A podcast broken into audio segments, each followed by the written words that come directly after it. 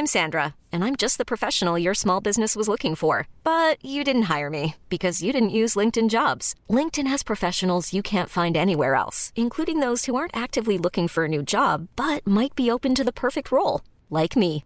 In a given month, over 70% of LinkedIn users don't visit other leading job sites. So if you're not looking on LinkedIn, you'll miss out on great candidates like Sandra. Start hiring professionals like a professional. Post your free job on linkedin.com/achieve today. There's never been a faster or easier way to start your weight loss journey than with PlushCare. PlushCare accepts most insurance plans and gives you online access to board-certified physicians who can prescribe FDA-approved weight loss medications like Wigovi and Zepbound for those who qualify.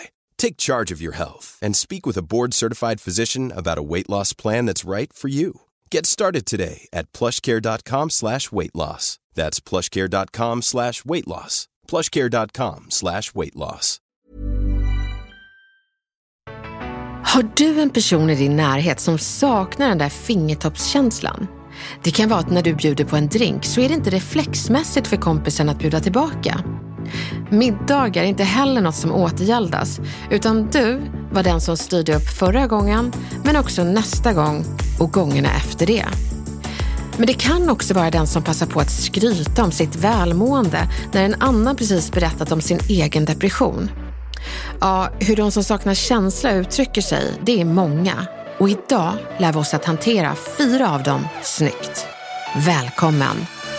Det här är veckans retoriktips i Snacka snyggt med Elaine Eksvärd. Jag har hört så många exempel genom åren där folk har saknat känsla. Och det har mynnat ut i alla möjliga cringeiga situationer. Som den där personen som uttrycker att hon har barnlängtan och svårt att få barn. Och så är det den utan känsla som då svarar, Gud, jag förstår det.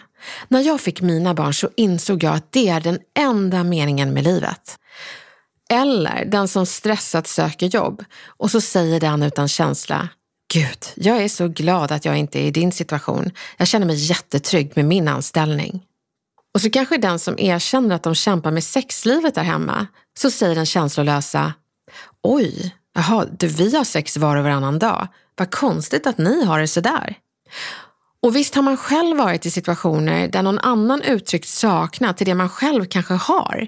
Men så har man ändå den där känslan av att ha vett att hålla det för sig själv. Men ibland har man ju också varit den som har råkat vara den som saknar känsla. Och vore det inte bra om vi då hade fått hjälp att få vara lite mer finkänsliga? Nu ska du få fyra olika kategorier av personer som saknar känsla. Men inte bara det, hur du hanterar dem snyggt. Oönskade råd. Du vet när du kanske klämmer ur dig att du har det tufft just nu och känner dig ganska nere. Det är inte en situation som du vill göra någonting åt just nu utan du vill mer bara kunna få vara lite nere och berätta det, om än bara för en dag. Då kan ju den som saknar känsla börja peppa när du egentligen bara vill deppa lite. Men det behöver inte vara att du just är deppig. Du kanske bara inte känner för råd just nu och den där kompisen märker inte det utan langar oönskade råd. Då kan du säga, det är så snällt att du kommer med råd, men just nu vill jag bara att du lyssnar. Och vet du, är det så att du som lyssnar nu känner igen dig som den där projektledarkompisen som inte bara kan lyssna på andras problem utan vill hjälpa till och lösa dem också? Du kan alltid förekomma den där bristen på känsla genom att säga du, du får verkligen säga till om du inte vill ha tips utan bara vill att jag ska lyssna.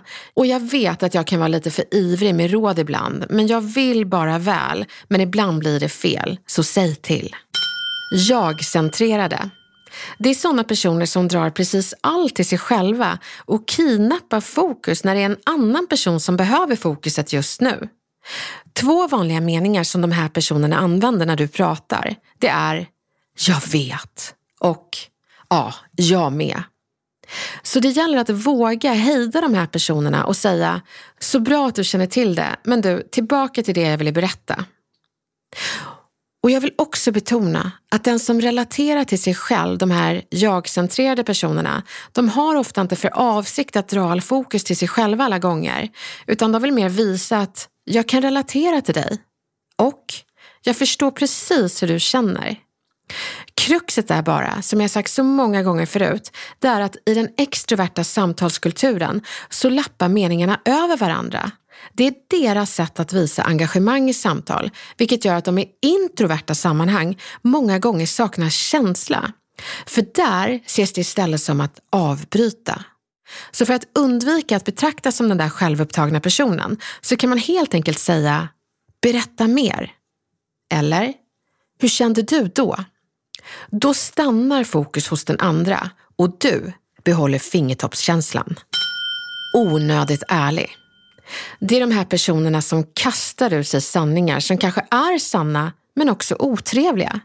Som att när man kanske berättar att man känner sig ensam och så svarar den onödigt ärliga att ja, men det är inte så konstigt. Du är ju bara hemma. Alltså, jag är bara ärlig. Då kan du svara Vet du, du har rätt att jag är hemma mycket, men jag förstår inte vad du vill uppnå med att säga så. Eller, ja, det har du rätt i. Men du är faktiskt inte bara ärlig. Nu är du faktiskt ganska okänslig också. Du hade kunnat föreslå något jag hade kunnat göra för att ändra min situation. Hjälpa till istället för att utbrista det där. Så det handlar egentligen om att man får påpeka eller påtala att en person är hemma och kanske borde ta sig ut. Men det handlar om att ha rätt ton i det och vara omsorgsfull istället för dömande konstaterande. Fulskrytaren. Det är personer som inte riktigt kan låta bli att strössla vardagen med självförhärligande meningar. Och visst är det härligt med en person som är tillfreds med sig själv, men inte riktigt lika härligt när han behöver påtala det i tid och otid. Och särskilt inte i kontrast till ditt mindre härliga mående för tillfället. Så, fulskrytaren pratar inte bara om sig själv i superlativ, utan också vid fel tillfällen. Det kan vara att du har en dålig dag och personen berättar att jag har en fantastisk dag. Eller att du känner att gud, jag känner mig så otränad nu. Och så säger fulskrytaren, jag har aldrig varit så tränad i hela mitt liv. Så jag tycker att man kan säga, det är jättekul att du känner dig vältränad, men kanske inte berätta om det just nu när jag beklagar mig. Sen tycker jag också att om det är en sån här kronisk fulskrytare som kanske hela tiden berättar om bra saker om sig själv och aldrig har några dåliga dagar. Där kan det vara så att den här personen behöver slappna av lite. Då kan du säga, vet du, jag kommer inte tycka sämre om dig om du har en dålig dag. Så kan du säga till den som alltid förhärligar hela sin vardag.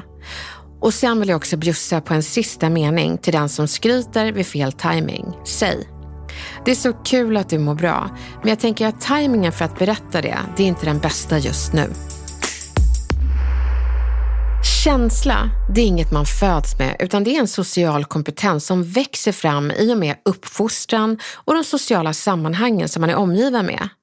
Vi har alla någon gång saknat känsla, flera gånger. Men det är vänliga uppmaningar och ibland stränga tillsägelser från föräldrar som gett oss den där känslan till slut. Men man har alltid nytt att lära.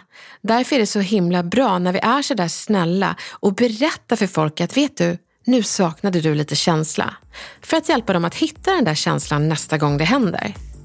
Jag hoppas verkligen att du nu känner att du har verktyg nästa gång du träffar någon av de här fyra karaktärerna. Och är du en av dem, så misströsta inte. Nu vet du hur du undviker det framöver. Tack för att du lyssnade på veckans retoriktips av Snacka snyggt-podden. Vi hörs snart igen.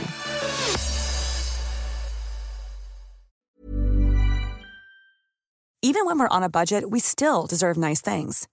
Quince is a place to scoop up stunning high-end goods for 50 to 80% less than similar brands. They have buttery soft cashmere sweaters starting at $50, luxurious Italian leather bags, and so much more. Plus, Quince only works with factories that use safe, ethical, and responsible manufacturing. Get the high-end goods you'll love without the high price tag with Quince. Go to quince.com/style for free shipping and 365-day returns.